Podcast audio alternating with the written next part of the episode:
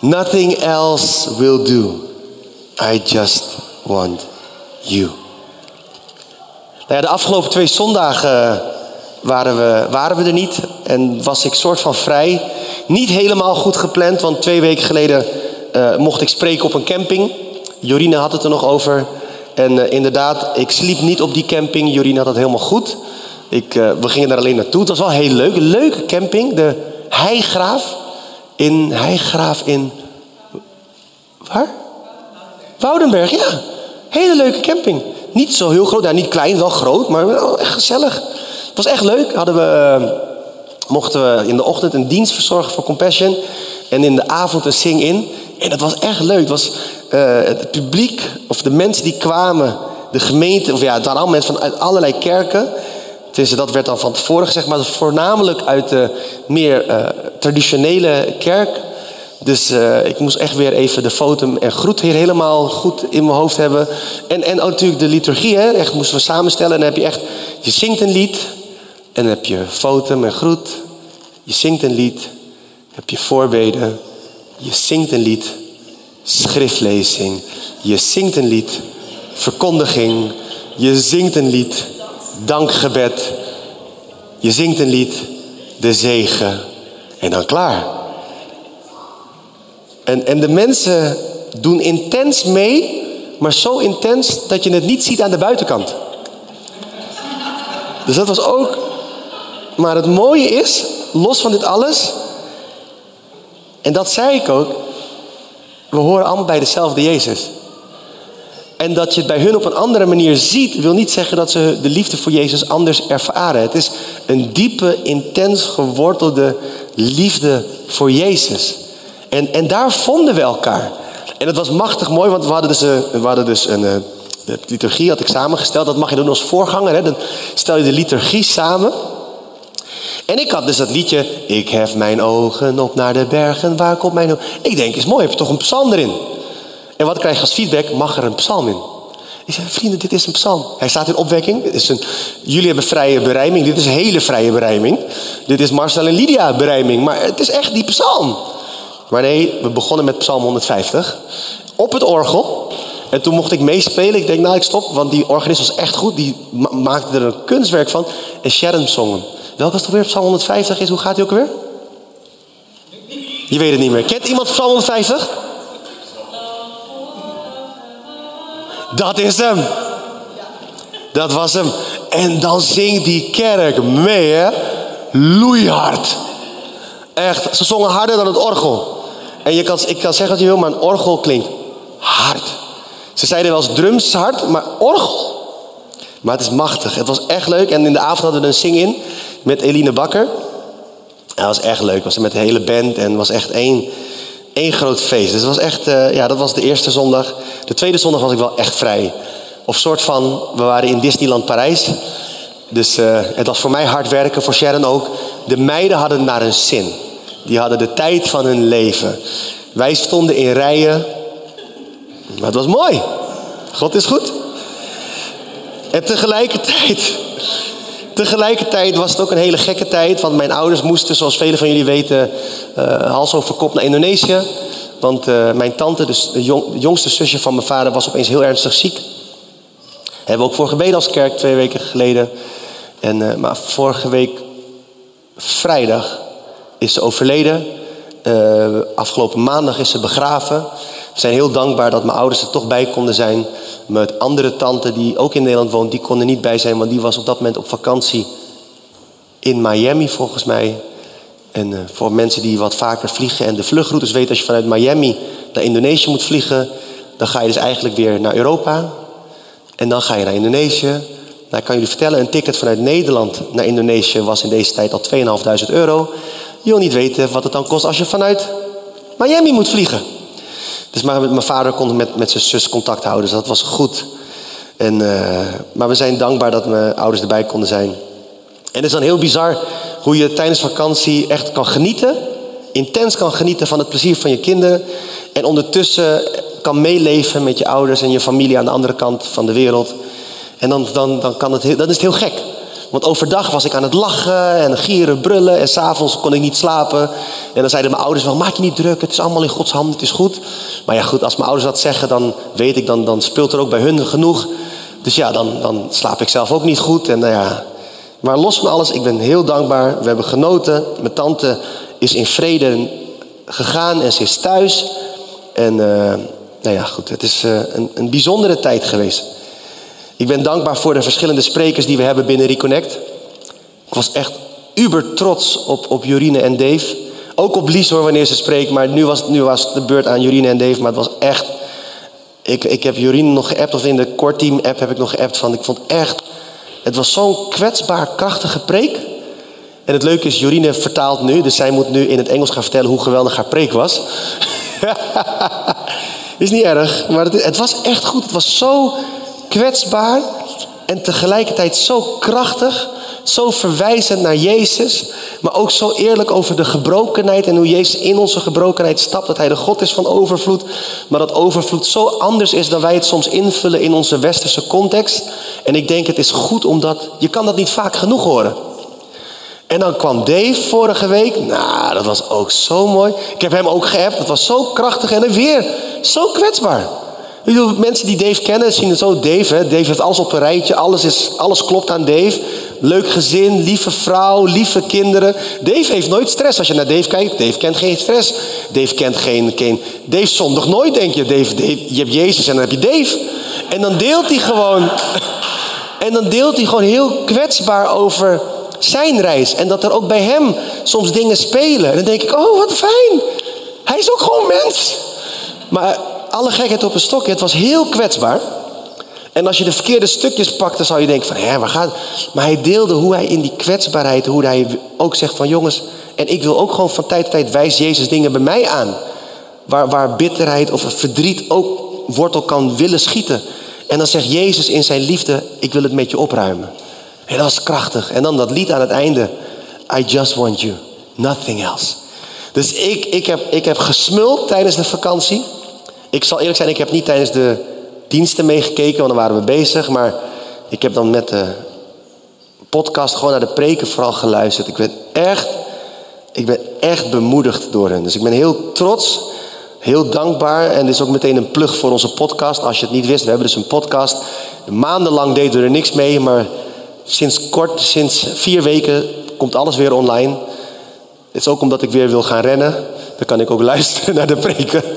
En, uh, maar het is echt ja, te gek. Dus uh, voor als je het hebt gemist, twee weken geleden ging het dus over Jezus is overvloed. Vorige week zondag ging het dus over Jezus is de bron. En ik denk dat de overdenking van vandaag heel mooi aansluit op de overdenkingen die zijn geweest. En deze overdenking heeft als focus rust.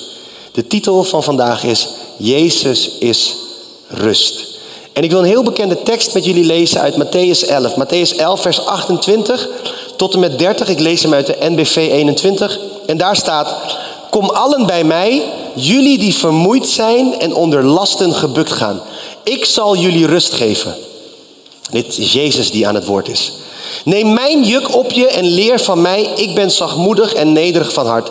Dan zullen jullie werkelijk rust vinden. Want mijn juk is zacht en mijn last is licht. Deze woorden van Jezus zijn erg bekend. Velen kennen deze woorden en, en de kans is groot dat je er wel eens een overdenking over hebt gehoord of hebt gelezen. En ik zeg het vaker bij bekende teksten, denk ik altijd van jongens, blijf er alsjeblieft bij. Denk niet, oh deze ken ik al. En ik zeg dat misschien omdat ik zelf ook zo was. Weet je wel, ik, ik ben zelf zo iemand geweest, ik ben iemand die, uh, ik, ik maakte altijd aantekeningen tijdens, als ik naar een preek luister, nog steeds eigenlijk, maak ik aantekeningen. Want als ik het uh, opschrijf, dan vergeet ik het niet. Heb ik ooit geleerd. Als je het opschrijft, dan vergeet je het nooit. Je kan er naar luisteren en geraakt worden. Maar als je het opschrijft, dan... Bij mij werkt dat op een manier dat het dan in mijn brein komt. En het komt er niet meer uit. Tot vervelend aan toe soms. Maar goed. Uh, en, en dan kwam ik wel eens... Ik ging dan naar een kerk. En een geweldige voorganger. En dan mooie preken altijd. Maar hij had een soort cadans in zijn preken. Eens in de anderhalf jaar, twee jaar tijd... kwamen de preken terug. Dus dan pakte ik ook, ja, ik ben ook weer zo irritant, dan wist ik het en dan pakte ik mijn aantekeningen bij en dan ging ik ze bijwerken. Maar dan, dan kan je soms vergeten om te luisteren naar de dingen die je hebt gemist. Snap je wat ik bedoel? Want de Bijbel is altijd veel dieper en veel wijder en het gaat altijd dieper. En dat je iets al kent, dat is juist alleen maar goed, want dat legt een bodempje. En dan kan je de volgende keer dieper gaan. Dus daarom dat ik het zeg, blijf erbij. En ik geloof met heel mijn hart. En ik bid er ook voor dat, dat je weer iets mag horen wat je raakt. Dat je weer iets nieuws mag ontdekken. Dat je weer een laagje dieper mag gaan in de tekst. En, en dat je op die manier weer iets mag ontvangen en bemoedigd naar huis mag gaan. Want Jezus nodigt hier mensen uit die moe zijn, die op zoek zijn naar rust. En omdat in vers 29 de woorden neem mijn juk op je en leer van mij worden gebruikt, gaat men ervan uit dat deze oproep geldt voor mensen die moe zijn van de leer, de godsdienstige regels en structuren die er toen golden. En dit is een hele belangrijke om te, om te onthouden, want dit komt zo meteen nog terug. Jezus zegt dat hij rust zal geven. En wanneer ik denk aan rust, dan moet ik ook denken aan de Sabbat. De Sabbat was in die tijd van Jezus voor sommige mensen een juk geworden. Waaronder ze gebukt gingen. Een heel stelsel van regels. Ik heb het opgezocht. Uh, want velen van ons kennen het alleen als een dag van rust. Als ik mensen nu hoor die zeggen: Ja, ik heb een sabbatsdag, denk ik mooi. En maar dan vraag ik eens: Maar wat, wat, wat houdt dat in voor jou? Ja, ik ben rust. Ik heb rust. En dat is te gek. Maar voor de Joden is de sabbat veel meer dan een dag van gewoon rust. Er waren allerlei regels. Zo had je 39 hoofdcategorieën van arbeid uh, melagos heette dat, die verboden zijn tijdens de Sabbat. Waaruit weer allerlei subregels voortvloeien. En zo krijg je een enorm web aan regels en voorschriften. Een voorbeeld, een van de categorieën van dingen die je niet mag doen, is zaaien. Je mocht niet zaaien tijdens de Sabbat. Dan denk je, nou, een makkelijke. Ik zaai toch nooit.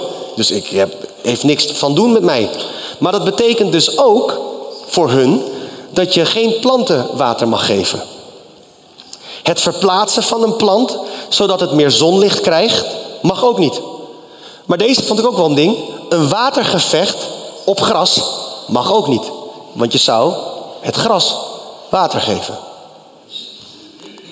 En zo gelden voor al die 39, 39 categorieën allerlei regels. Je snapt dat dit best een ding kan zijn, want op het schenden van de Sabbat staat volgens de Joodse wet de doodstraf. Die wordt overigens sinds 425 na Christus niet meer zo strikt nageleefd. Gelukkig maar voor heel veel mensen, denk ik. Maar in de tijd van Jezus was dat, was dat nog wel zo. En op dit moment spreekt het meer over het gewicht van het overtreden van de regel. Maar goed, dit is allemaal informatie. Maar bedenk nu dat de Sabbat nooit was bedoeld als een last. De Sabbat was bedoeld als een geschenk. Wanneer kregen ze dat geschenk? Toen God ze had bevrijd uit Egypte. Uit de greep van slavernij. Toen ze slaven waren, werkten ze iedere dag. Ze moesten doen wat het systeem van hun vroeg. Ze wandelden in het, systeem, eh, in het ritme van het systeem dat hun had onderworpen.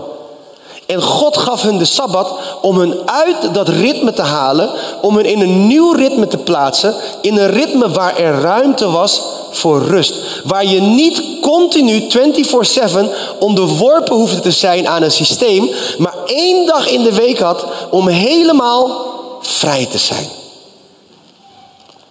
De Sabbat was nooit bedoeld als last, maar als een geschenk. God gaf hun een nieuw ritme. Een ritme waarin er na zes dagen arbeid een dag was gegeven voor rust. Een dag die was gewijd aan de bevrijder. Die dag waren ze vrij. Vrij van arbeid. Het was een geschenk van de schepper voor zijn schepping. Een geschenk om op adem te komen, te genieten, om in een ander ritme te leven. In het Nieuwe Testament ontdekken we een diepere betekenis van diezelfde Sabbat. In Matthäus 12, vers 8 kunnen we lezen dat Jezus Heer is over de Sabbat. En dit lezen we wanneer Jezus iemand geneest op de Sabbat. Iets wat volgens de interpretatie van de regels die toen golden, die ze toen hadden, niet zou mogen. Jezus deed iets wat volgens de regels die er toen waren, niet mocht. Maar wat doet Jezus hier? Jezus laat hier zien dat het leven van een mens belangrijker is dan de regels die zijn gegeven aan diezelfde mens. En dat is sowieso een belangrijk principe waar we nog lang over zouden kunnen doorpraten. Want hoe vaak vinden wij de regels belangrijker dan de mens waar het eigenlijk om gaat? Als je bedenkt dat God de regels geeft uit liefde voor de mens. God heeft ons nooit de regels gegeven die hij ons gaf omdat hij boos op ons was. Hij gaf ons nooit die regels omdat hij ons wilde straffen. Hij gaf ons nooit die regels om ons te beperken. Hij gaf ons die regels om ons vrij te zetten. Hij gaf ons die regels zodat we kunnen genieten van het leven dat hij voor ons heeft. Hij gaf ons al die richtlijnen zodat we meer van hem kunnen hebben in ons leven. Daarvoor heeft hij ons die regels gegeven. Voor al die mensen die zeggen: Ik ben niet wettisch, ik wil vrij zijn van de wet. Denk ik: Ja, maar dan snap je niet ja, wettisch is dat je laat knechten door die regels. Maar als je ontdekt dat God richtlijnen geeft om vrij te zijn, dan ga je genieten. Dat is een hele andere mindset. Maar God gaf ons die regels zodat we vrij kunnen zijn. En hoe kan het dan soms dat we zo vastzitten aan onze regels dat mensen niet meer vrij zijn door de regels, maar er juist door gebonden worden? En daarom hebben we genade nodig. Maar zo zie je dat genade en de richtlijnen van God gaan hand in hand met elkaar. Want Jezus leefde zeker volgens de regels van God, maar zoals ze waren bedoeld. Ik vraag me wel eens af, hè, hoe, hoe vaak vinden wij de regels belangrijker dan de mens waar het om gaat? En hoe zou de kerk met hoofdletter K kunnen zijn wanneer we iets meer kijken naar de mens en minder kijken naar de regels die door God zijn gegeven aan de mens. Als we iets meer zouden gaan voor de relatie, de verbinding, de vriendschap en iets minder voor ons plaatje, dat wat wij voor ogen hebben, ons framework van regels en stellingen, wanneer we dat iets meer zouden doen, dus iets meer genade, terwijl we ook weten dat die regels er zijn, maar dan ga je die regels weer zien volgens het principe waar, van waaruit ze gegeven zijn.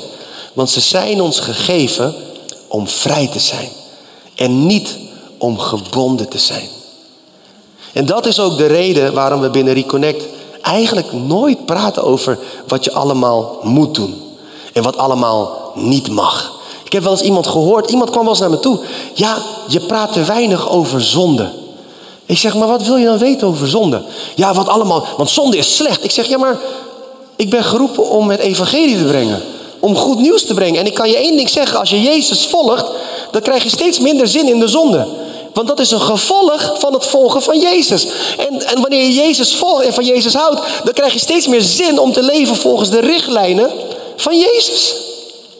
En als je me niet gelooft, ik heb een voorbeeld. Ik heb echt een voorbeeld. En ik wist het niet, maar het is echt zo. Eh, we waren met Sharon, was ik waren in de auto en we spraken erover.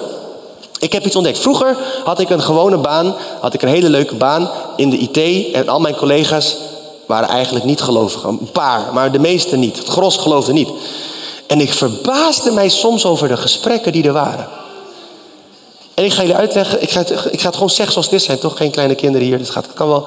Ze hadden gewoon gesprekken over hoe ze samen, hoe een, een vriend en vriendin samen naar porno keken. En dat als een soort studiemateriaal zagen.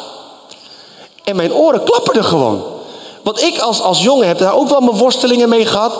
Maar ik wist altijd van dit is niet hoe God het heeft bedoeld.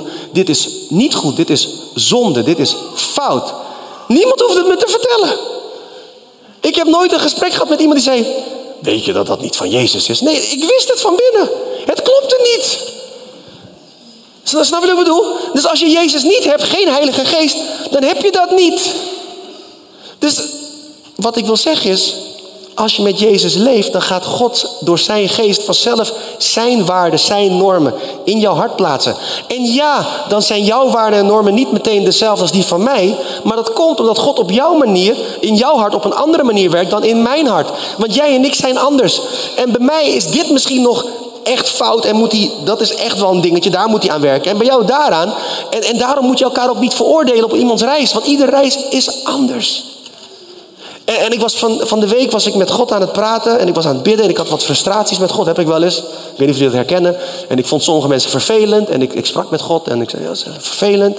En toen zei God, ja maar, jij hebt zoveel geduld voor was, deze was heel leuk. Want vaak als ik met God zo praat, dan zegt God wel eens van... Ja, maar hoeveel geduld moet ik met jou hebben? Die doet heel veel pijn. Maar deze keer was hij iets genadiger. Deze keer zei hij... Ja, maar ik heb je zoveel genade gegeven voor die mensen, toch? Ik zeg, ja, zeker. Ja, ik hou van die mensen. Dat is echt te gek. Ja, maar daar is ook van alles mis. Ik zeg, ja, klopt. Ja, maar waarom vind je die dan makkelijker dan die anderen? mijn weg met hun is anders dan die weg met, met die mensen. Je moet van iedereen houden. Ik denk, oh, ja. En toen dacht ik, ja, dat was mijn les van de week. De, de reis die God met mij gaat, met Henkie gaat, met Jantje gaat, met Pietje gaat. Of met Koos. Is anders dan de weg die hij gaat met Hendrik, Jan-Pieter of Dave. Wie lacht er zo hard? ja, ik moest even, mijn namen waren op, dus ik ging namen combineren. Dus, uh, maar goed. Hier zou ik helemaal niet eens over praten, jongens. Ik heb nog een hele preek. Maar goed, uh, ja. dit, is, nou, maar dit is echt iets wat ik geloof. Um, en hier zie je heel mooi hoe genade en de richtlijnen van God hand in hand gaan. Want de richtlijnen van God zijn ook gegeven uit genade. En daarom geloof ik ook. Ik geloof in 100% genade. En ik geloof ondertussen ook in 100% de richtlijnen van God. En het probleem is alleen dat we de richtlijnen van God zo hebben geïnterpreteerd soms. En dat het een juk is geworden waaronder we gebukt gaan. En waarmee we mensen afrekenen. Dat we mensen zeggen, ja, die zijn niet gelovig. Die, die, die zijn nog niet zo ver. Weet je wel, of ja, die zijn nog niet zo volwassen. Denk ik, waar, waar, waar? Vergeleken bij Jezus zijn we allemaal baby's in het geloof. Als Hij de standaard is. En ik ben blij dat God niet zo naar ons kijkt. Dan waren we allemaal best wel hopeloos. Maar God ziet ons allemaal als een geliefd kind. En Hij houdt van ons. En zo moeten we ook naar elkaar kijken. Nou ja, goed, dat haalde ik dus uit Matthäus 12, vers 8. Dan weet u dat ook weer. Maar goed, we gaan verder. In Hebreeën 4 lees je dat we binnen mogen gaan in de sabbatrust die Jezus voor ons heeft gekocht met zijn offer. Waar de sabbat een ritme is van één keer per week. Dat was het al die tijd. Eén keer per week, wat je de sabbat. Eens in de zeven dagen is de sabbatsrust van Jezus een continue rust. Een vrede die alle verstand te boven gaat. Een continue reminder dat wij bevrijd zijn van de slavernij van de zonde. Dat we bevrijd zijn uit de slavernij van de zonde. En dat vind ik echt mooi. Maar er is nog meer moois. Ik zei eerder al, God heeft ons de Sabbat gegeven als geschenk uh, om het ritme van de slavernij te verbreken. Wat nu als ik zeg dat velen van ons vandaag de dag ook in de greep zijn van slavernij? En dan heb ik het niet eens over zonde of zoiets, maar gewoon de mindset van niet genoeg zijn. Of tekortkomen. Of welke andere leugen over jezelf die je jezelf hebt laten aanpraten. En dan heb ik het niet eens over de slavernij die een carrière met zich mee kan brengen. Gewoon de wedloop van het leven, waar we altijd maar willen groeien, beter of meer willen. Iets waar we in het Westen best wel last van kunnen hebben. Wanneer is genoeg genoeg? Wanneer we in het ritme wandelen van het systeem van deze wereld, dan is er altijd een volgende stap. En begrijp me niet verkeerd, ik geloof in groei, ik geloof in ontwikkeling, ik geloof in een volgende stap. Maar al die dingen zijn een geschenk. Ze zijn geschenken die God geeft aan ons. En ze zijn geen doelen op zich. We groeien zodat we meer mogen zien van Gods goedheid, trouw en liefde in ons leven. We ontwikkelen zodat we anderen meer tot dienst kunnen zijn. We nemen de volgende stap zodat we mensen mee kunnen nemen op die reis. Het doel is en blijft altijd Jezus, Hem eren en anderen brengen naar Hem. Daar gaat het om. En wanneer die dingen doelen worden, dan kunnen we slaven worden van die dingen. Want genoeg zal dan nooit genoeg zijn. En daarom zijn de woorden van Jezus vandaag de dag nog net zo actueel als 2000 jaar geleden. Neem mijn juk op je, op je en leer van mij. Ik ben zachtmoedig en nederig van hart. Dan zullen, je, dan zullen jullie werkelijk rust vinden, want mijn juk is zacht en mijn last is licht. Met deze woorden zegt Jezus: Volg mijn leer. Wandel in mijn ritme. Want een juk spreekt over de leer van de rabbi.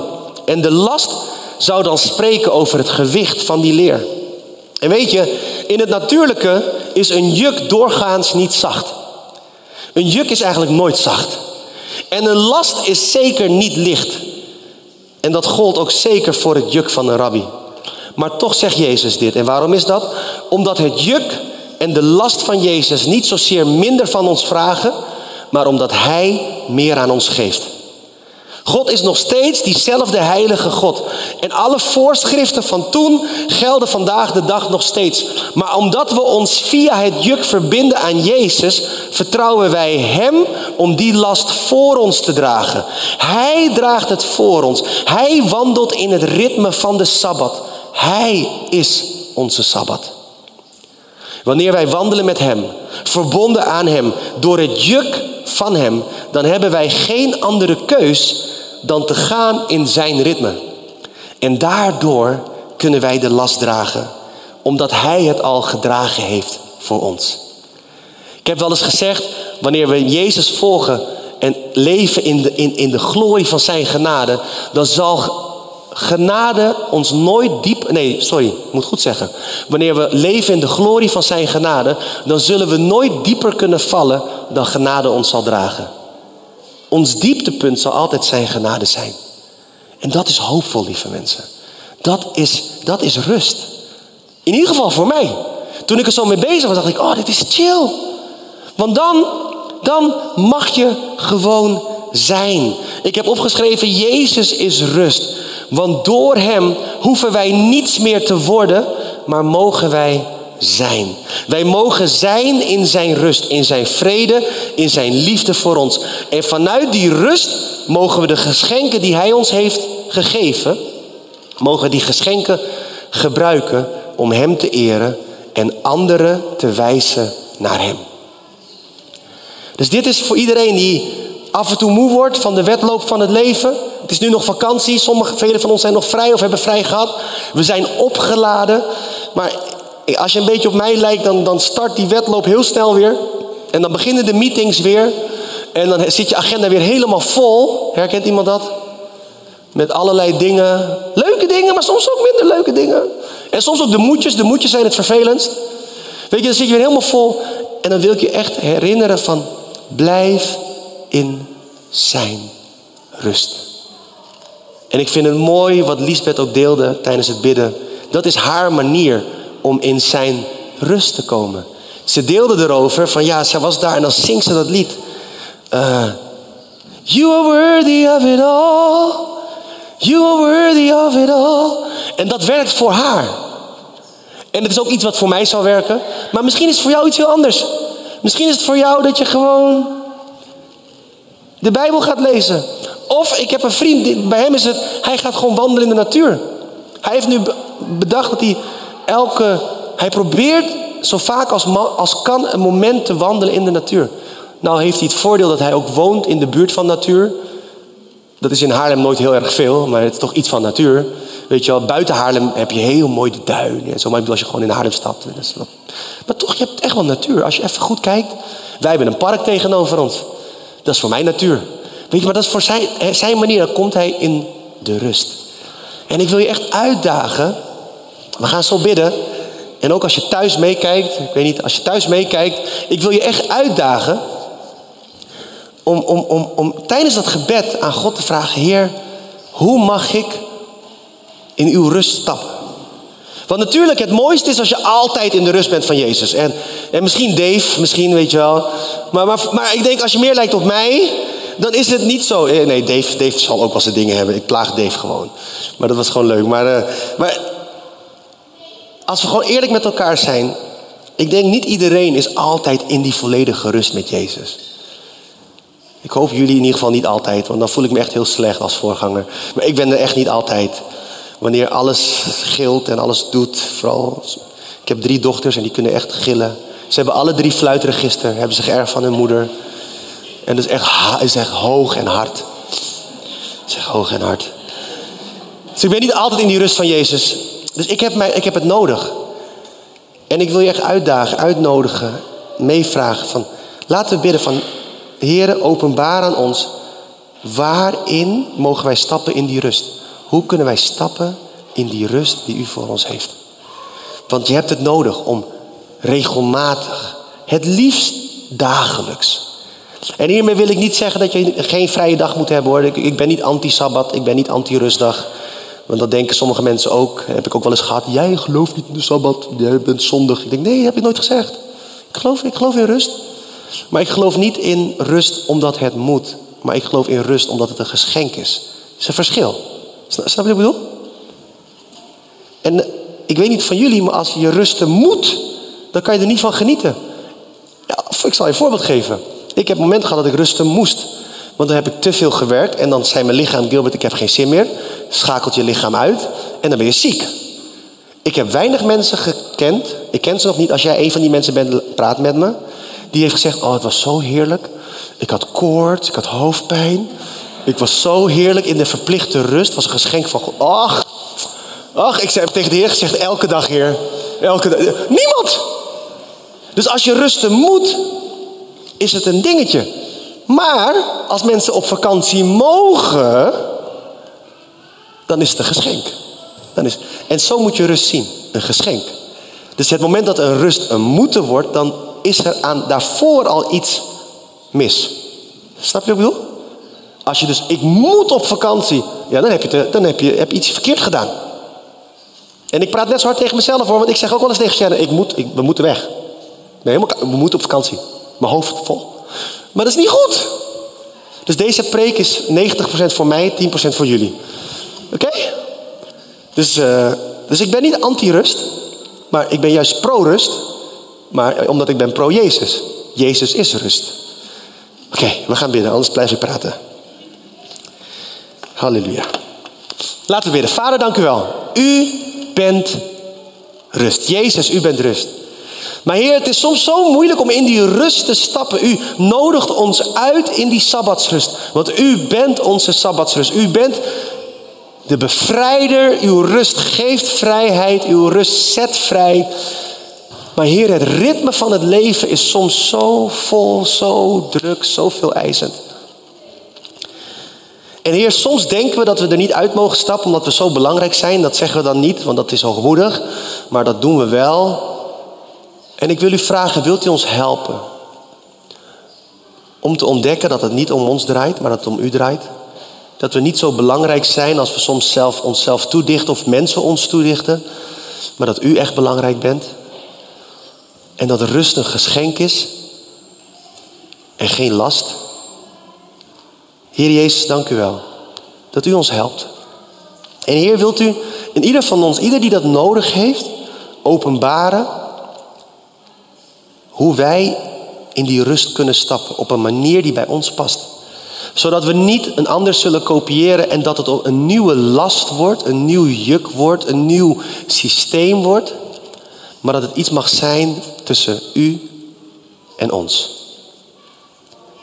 Dat het ons dingetje mag zijn. Een moment van ontmoeting. Een moment van rust. Een moment van stil worden. Een moment van ontvangen een moment van genieten. Een moment waarin we overweldigd mogen worden door uw genade en uw liefde en uw goedheid. Een moment waarin we geraakt mogen worden door uw trouw en uw vreugde en uw vrede. Een moment waarin we echt ter volle mogen leven, omdat u erbij bent. Heer, ik wil u vragen, wilt u door uw geest echt ideeën naar boven brengen op dit moment?